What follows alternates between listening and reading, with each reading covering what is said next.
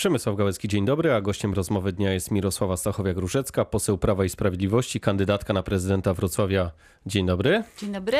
Dzisiaj mija miesiąc od rozpoczęcia protestu niepełnosprawnych i ich opiekunów. No i rząd i protestujący okop- okopali się na swoich pozycjach, jest pad. Pani widzi jakąś możliwość rozwiązania tej sytuacji, konsensusu?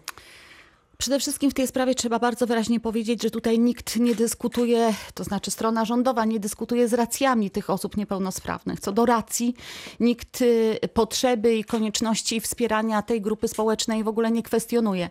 Problemem jest y, kwestia odpowiedzialności, odpowiedzialności za budżet, za innych potrzebujących. Protest jednak jest w trakcie, mm, w środku roku budżetowego. Y, Część postulatów została zmieniona natychmiast. No, trzeba przyznać, że trochę te postulaty ewaluowały, no ale pani, pani minister, pani minister Rafalska i Czerwińska no, muszą no, no, piastują takie stanowisko, że, że ta odpowiedzialność jest y, najważniejsza. Mnie oczywiście łatwo powiedzieć, bo ja jestem posłem. Tak, trzeba spełnić postulaty niepełnosprawnych, bo im się to należy. I jeszcze łatwiej jest to powiedzieć posłom opozycji. No to jest oczywista sprawa. Natomiast jednak panie, y, pani minister i Rafalska i Czerwińska odpowiadają za cały budżet i również za inne grupy potrzebujących. Ja I jestem teraz jest przekonana, kwestia, żeby zadecydować, ja jestem przekonana, Na że co jednak pieniądze tym, powinny zostać przeznaczone? ja jestem przekonana, no dużo w tej sprawie już zostało zrobione. Jak mówię, pierwszy postulat, czyli zwiększenie renty socjalnej został zrealizowany natychmiast. To prawda, ale Jest z drugiej kwestia, strony wydaje się, prawda, że niepełnosprawni tutaj nie odpuszczą. Oni mówią, chcemy pieniędzy w gotówce, chcemy dzięki tym pieniądzom wreszcie zacząć godnie żyć.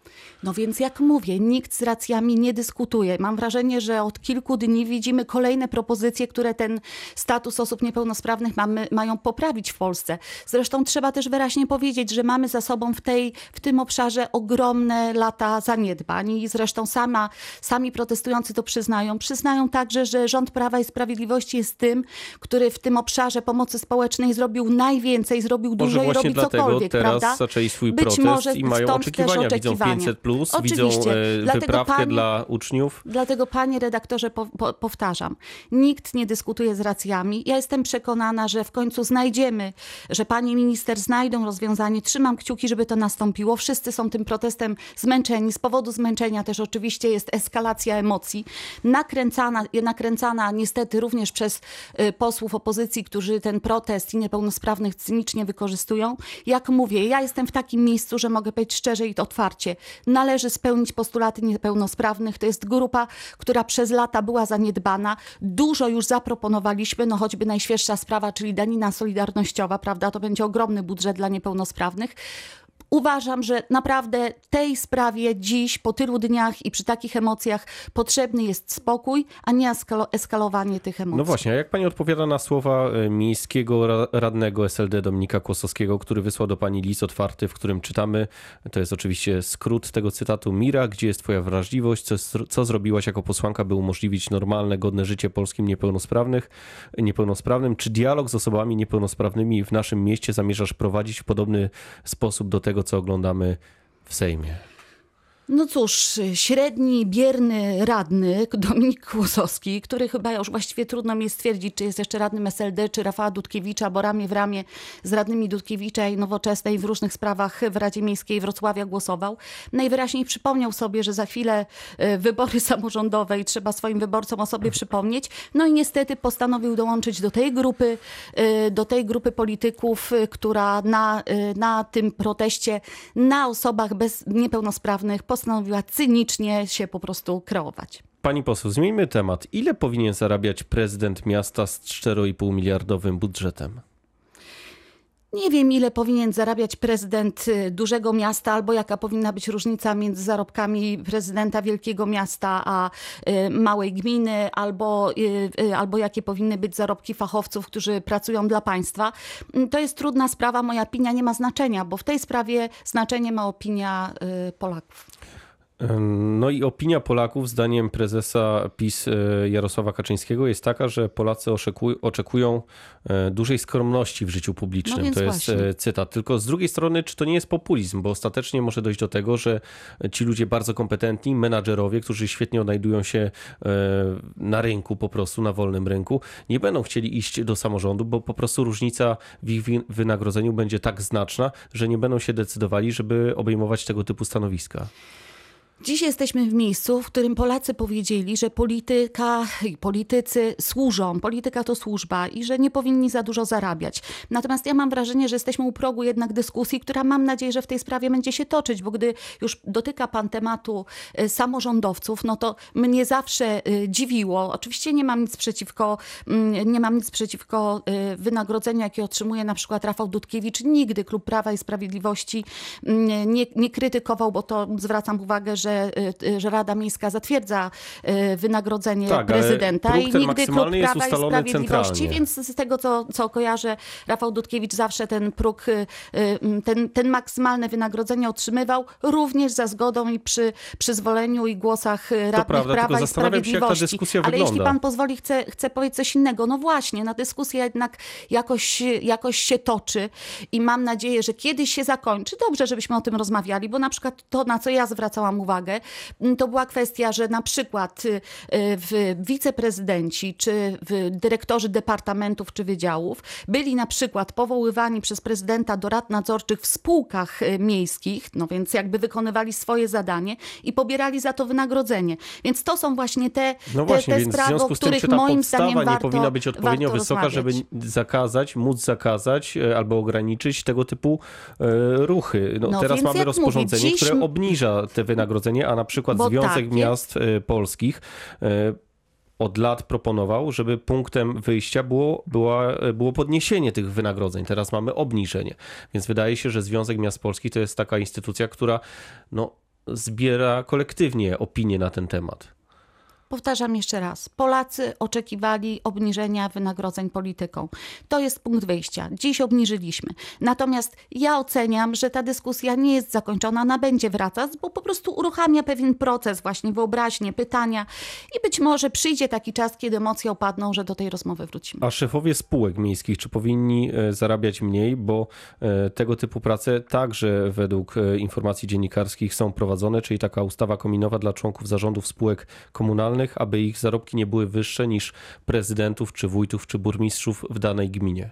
No więc jeżeli to jest spółka miejska, to też mamy w pewnym sensie do czynienia z służbą. Choć ja oceniam, skoro mnie pan o to pyta, że we Wrocławiu nie jest problemem to, czy prezes spółki miejskiej zarabia więcej czy mniej, tylko że jest ich wiele i niewątpliwie powinna nastąpić konsolidacja. Pani jest kandydatką już oficjalną na prezydenta Wrocławia, więc kilka konkretnych pytań i proszę o konkretne odpowiedzi. Uchwała antysmogowa jest przyjęta, zakłada sukcesywną wymianę pieców, y, całkowitą likwidację kopciuchów już teraz od lipca, zakaz montażu, ale pozwala palić drewnem, jeśli kominek nie będzie głównym źródłem ogrzewania, pozwala palić węglem, jeśli zastosujemy te piece najwyższej klasy. Pani zdaniem to jest wystarczająca uchwała? Panie redaktorze, oficjalną kandydatką będę wtedy, kiedy zostaną ogłoszone oficjalne wybory. Dzisiaj jest y, czas na y, rozmowę z mieszkańcami o tym, jak oni widzą Wrocław w przyszłości, a nie na ogłaszanie y, programów, odsłanianie go w kilkuminutowym programie audycji radiowej. Proszę mi wybaczyć, ale oczywiście temat smogu jest niezwykle ważny. Gdy idzie o propozycje, które zostały przedstawione dotychczas, ja oceniam, że to ciągle za mało. Trzeba myśleć o rozwiązaniach strategicznych, długofalowych, widzieć to, widzieć to rozwiązanie w perspektywie wieloletniej. Najkrócej i to, co najważniejsze i tam, gdzie ja widzę potencjał do walki ze smogiem, to fakt, że, w, w, że firma, która ciepło we Wrocławiu y, produkuje, Kongeneracja, została na powrót y, firmą, y, no, przedsiębiorstwem Skarbu Państwa. W związku z tym, z takim partnerem będzie na pewno łatwiej rozmawiać o strategicznych rozwiązaniach dla Wrocławia. Tyle, że problemem jest to, że sieć jest prywatna, a to y, właściciel sieci też decyduje, którą kamienicę czy budynek przyłączy, a którego nie. No, gdy idzie o sieć, to mamy problemy, bo nie dość, że jest prywatna, to trochę tro- z- no, jakby nie rozwija się. No właśnie dlatego, że jest prywatna, to ich interes jest gdzie indziej, prawda? Patrzą, na, patrzą przez pryzmat swoich zysków i interesów, ale ja jestem przekonana, że, y, że naprawdę możemy z odpowiedzialnymi przedsiębiorstwami naprawdę odpowiedzialnie rozmawiać o smogu, rozmawiać o strategii. Ja na pewno takie rozmowy y, podejmę i o skutkach tych rozmów w odpowiednim momencie wraz z ogłaszaniem programu y, Wrocławian poinformuję. Miasto Jest to na pewno jedna, to tego absolutnie nie można kwestionować. Jest to jedna z najbardziej absolutnie priorytetowych spraw we Wrocławiu. Pani poseł, Zresztą dotychczas, panie redaktorze, jest ja muszę przypomnieć, istotny. dotychczas, dotychczas niewiele zrobiono. No niech, niechlubnym przykładem y, dotychczasowej polityki y, urzędników Wrocławia jest choćby to, że w, w poprzednim roku y, dołączono, przyłączono do sieci ciepłowniczej tylko dwie kamienice komunalne, a mamy ich To wiemy, 2000. ale z drugiej strony Rafał Także nie kandyduje, więc chcielibyśmy mówić o przyszłości dla robić. Wrocławia i Oczywiście. pomysłach dla Wrocławia. Oczywiście. A miasto na przykład chce budować Aleję Wielkiej Wyspy, e, która będzie miała tylko po jednym pasie ruchu w każdym kierunku i nie będzie miała linii tramwajowej. Pani utrzyma ten projekt, jeśli pani wygra, czy go zmieni? W pierwszej kolejności to, co zrobię, jeśli wygram, to oczywiście audyt, bo, w, bo mamy i wszyscy wiedzą, nie jest to tajemnicą, miasto jest naprawdę ogromnie zadłużone. Wyzwań, jakie przed nami jest mnóstwo. Sam pan mówi o smogu i zgodni jesteśmy co do tego, że to jest niez, nie, niezwykle ważny priorytet dla Wrocławia.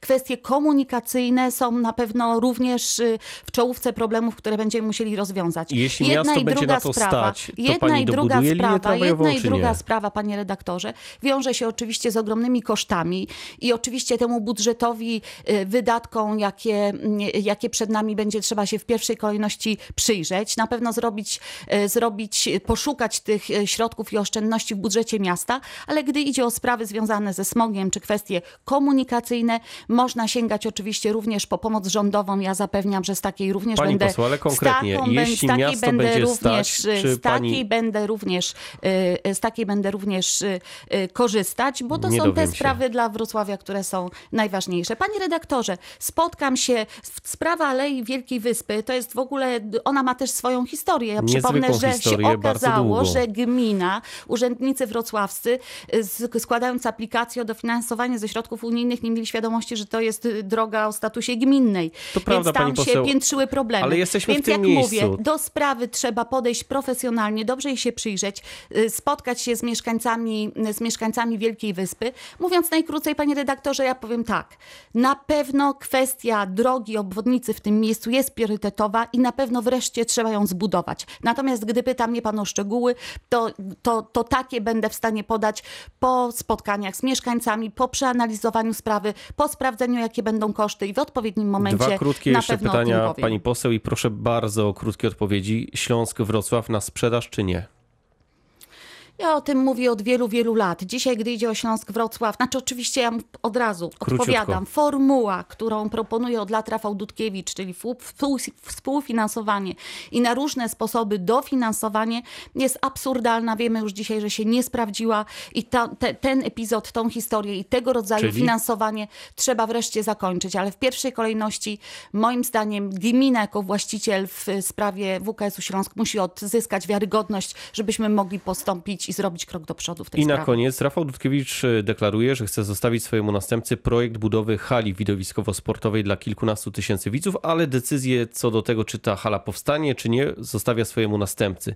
Pani zdaniem taki obiekt w mieście jest potrzebny, czy są inne potrzeby? Y, Hala lekkoatletyczna we Wrocławiu oceniam, że absolutnie jest potrzebna. Rzeczywiście w, tej, w tym obszarze mamy, mamy próżnię i trzeba by ją jak najszybciej, y, jak najszybciej wypełnić, ale znowu mnie pan pyta o coś, na, na, na, na, na, znaczy stawia pan pytanie, na które będę mogła odpowiedzieć z całą pewnością dopiero rola. wtedy, gdy będę wiedzieć, że nas na to stać. Ale zgadzam się i potwierdzam. Podzielam opinię, że hala widowiskowa lekkoatlety, lekkoatletyczna we Wrocławiu jest potrzebna.